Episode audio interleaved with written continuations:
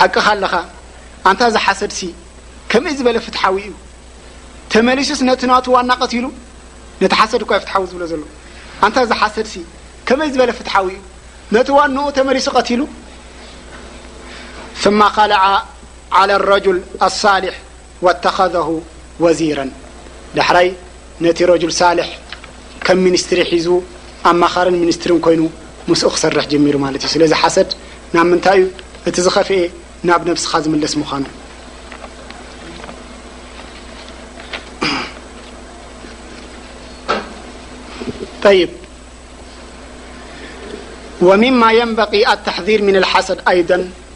ካብ ሓሰድ እቲ ዝያዳ ክንጥንቀቐሉ ዝግበኣና ካልእ መዝላቓ ኸፊ ሓሰድ እንዳንሸራተተ ቀስ ኣቢሉ እዩ ኣብ ሕማቕ ዘእትወካ ወመስለካ ደቂቕ ለበሳ ብሂ ኣሸይጣን ዓላ ባዕዱ ናስ እዚ መሽለኹይ ናይ ሸይጣን እዩ ሸይጣን ቀስ ኢሉ ኣብ ደቂ ሰባት ኣትዩ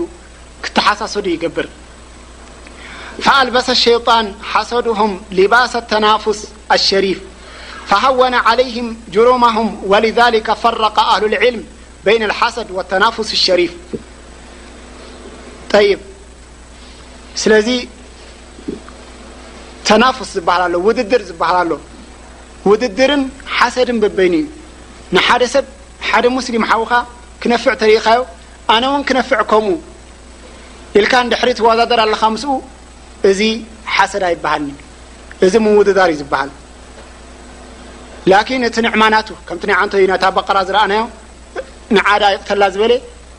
እቲ ሓሰድ ናቱ ይጥፋእ ትብል ተኾንካ ግን እዚ እዩ እቲ ሓሰድ እቲ ናቱ ንዕማ ይጥፋእ ትብል ተኾንካ ቃል ኣልእማም ኣልማውሪድዩ ራሒማሁ ላሁ ተላ وحقيقة الحسد شدة الأسى على الخيرات تكون للناس الافاضل وهو غير المنافسة وربما غلط قوم فظن أن المنافسة في الخير هي الحسد ل سبت اب حسد نت وددر كم حسد زحسب الو ن وددر ب خيرات ي حسد يبهلن ت ي بحق حسد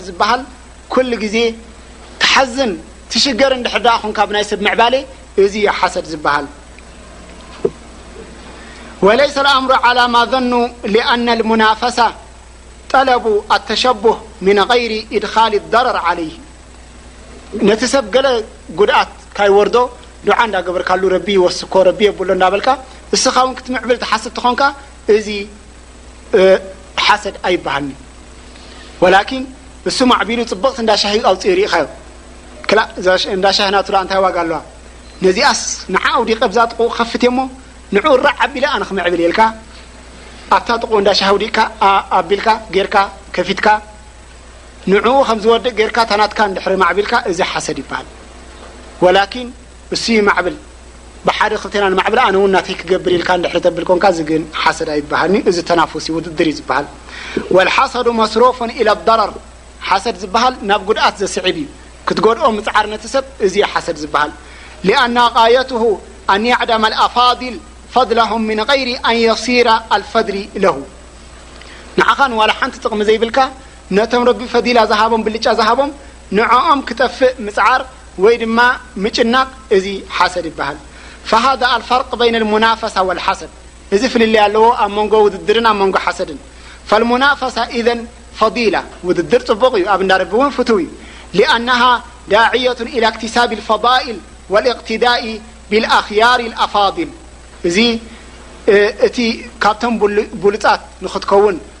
ንክትበልጽ፣ ተማሂርካ ንክትነፍዕ፣ ኣብ ጽቡቕ ደረጃ ክትበጽሕ፣ ምስ ዝተማሃረ ሰብ ተጸጊዕካ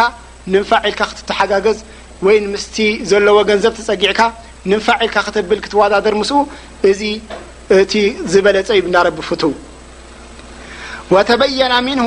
ኣነ ልሙናፈሳ ትዕተበር ሚን ልፈዳኢል ውድድር ካብቲ ብሉጽ ነገር ካብኡ ሓደ እዩ ሸሪጠተን ኣላ የቅሱዳ ቢሃ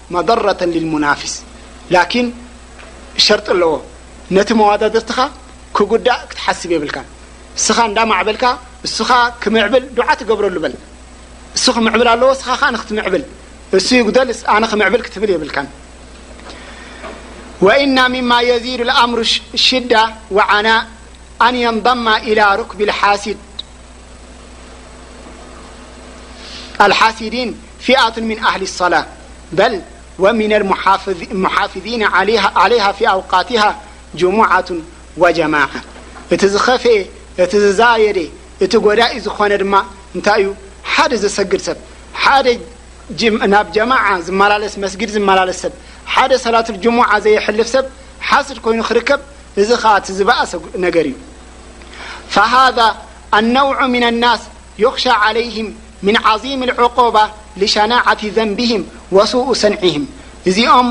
ዓይነት ሰባት እዚኦም ናብ መስጊድ ክመላለሱ ትሪኦም ረቢ ንፈርሕ ኢና ክብሉ ትሪኦም ላኪን ሓዎም ክሕስዱ ኣይግባእን እዚ እንድሕር ዝገብሩ ኮይኖም እዚኦም ከኣ ካብቲ ጃህል ሓስድ ካብኡ ዝገደዱ ዝኸፍኡን እዮም እዞም ሰባት እዚኦም በቲ ሕማቕ ስርሖም ዋካነ ልኡላ الأولى والأجدر بهم أن يكونو من أبعد الناس عن اوحال تلك الرذائل እዞم ሰ ኦ مسجد ل ዜ እዚم ካب زحمق حسر ዝኾن ن حسد دي ካب قرحقም ክنቀሳقሱ ይقبእ وكيف لا يكونون كذلك وهم يسمعون آياة الله تتلى عليهم في بيان شر الحسد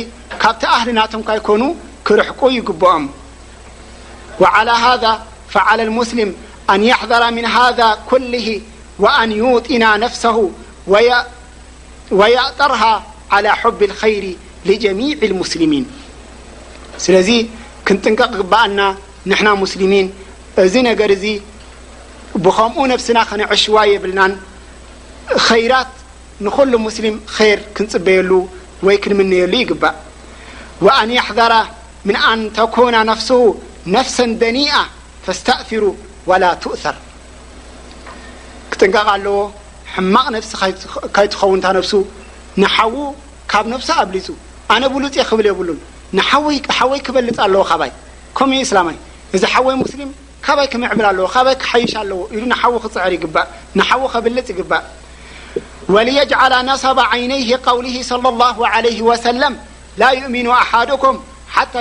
ዩሒባ ሊኣኺሂ ማ ዩሒቡ ሊነፍሲህ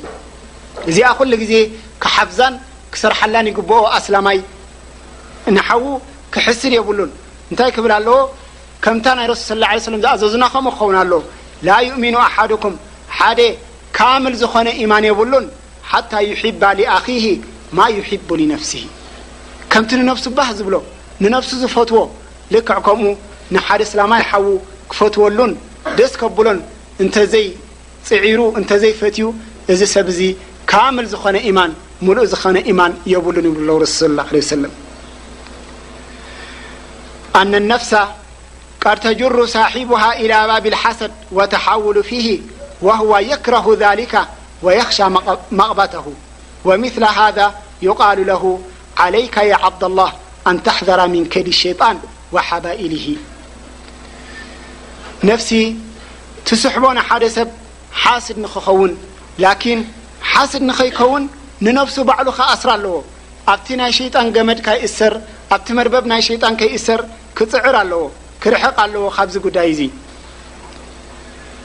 ወኣን ትክሲራ ምን ተፈቁዲ ነፍሰካ ወመሓሰበቲሃ